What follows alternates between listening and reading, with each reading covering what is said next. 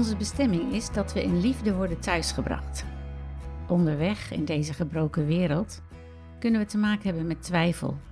Diepe, donkere twijfel.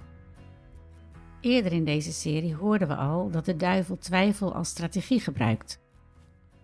Maar niet alle twijfel komt door misleiding van de tegenstander. Het kan ook opkomen in onze gedachten als effect van gebrokenheid. We leven uit balans en denken van nature niet meer zoals God het bedoeld heeft. Sommige christenen lijken daar nooit last van te hebben.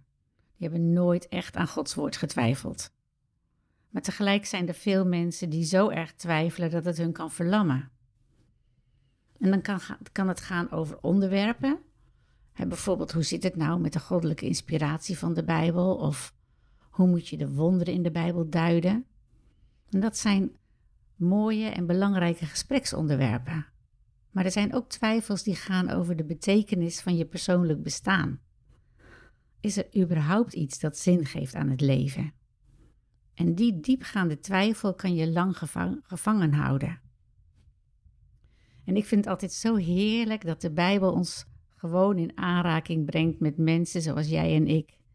Mensen als Gideon, die twijfelt aan zichzelf als God hem vraagt om iets voor hem te doen. Mozes, die twijfelt en sputtert. Thomas, die twijfelt aan Jezus' opstanding.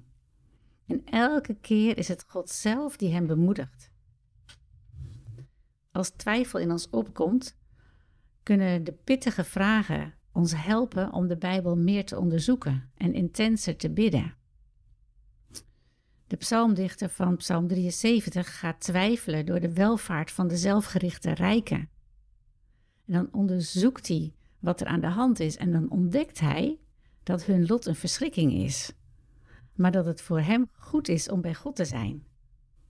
Vers 26: Al bezwijkt mijn hart en vergaat mijn lichaam, de rots van mijn bestaan. Al wat ik heb is God, nu en altijd.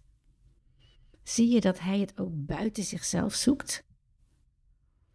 misschien ga jij niet twijfelen door zoiets als wat de psalmdichter zegt, maar door iets anders. Misschien dat je twijfelt of God de wereld nog in zijn hand heeft.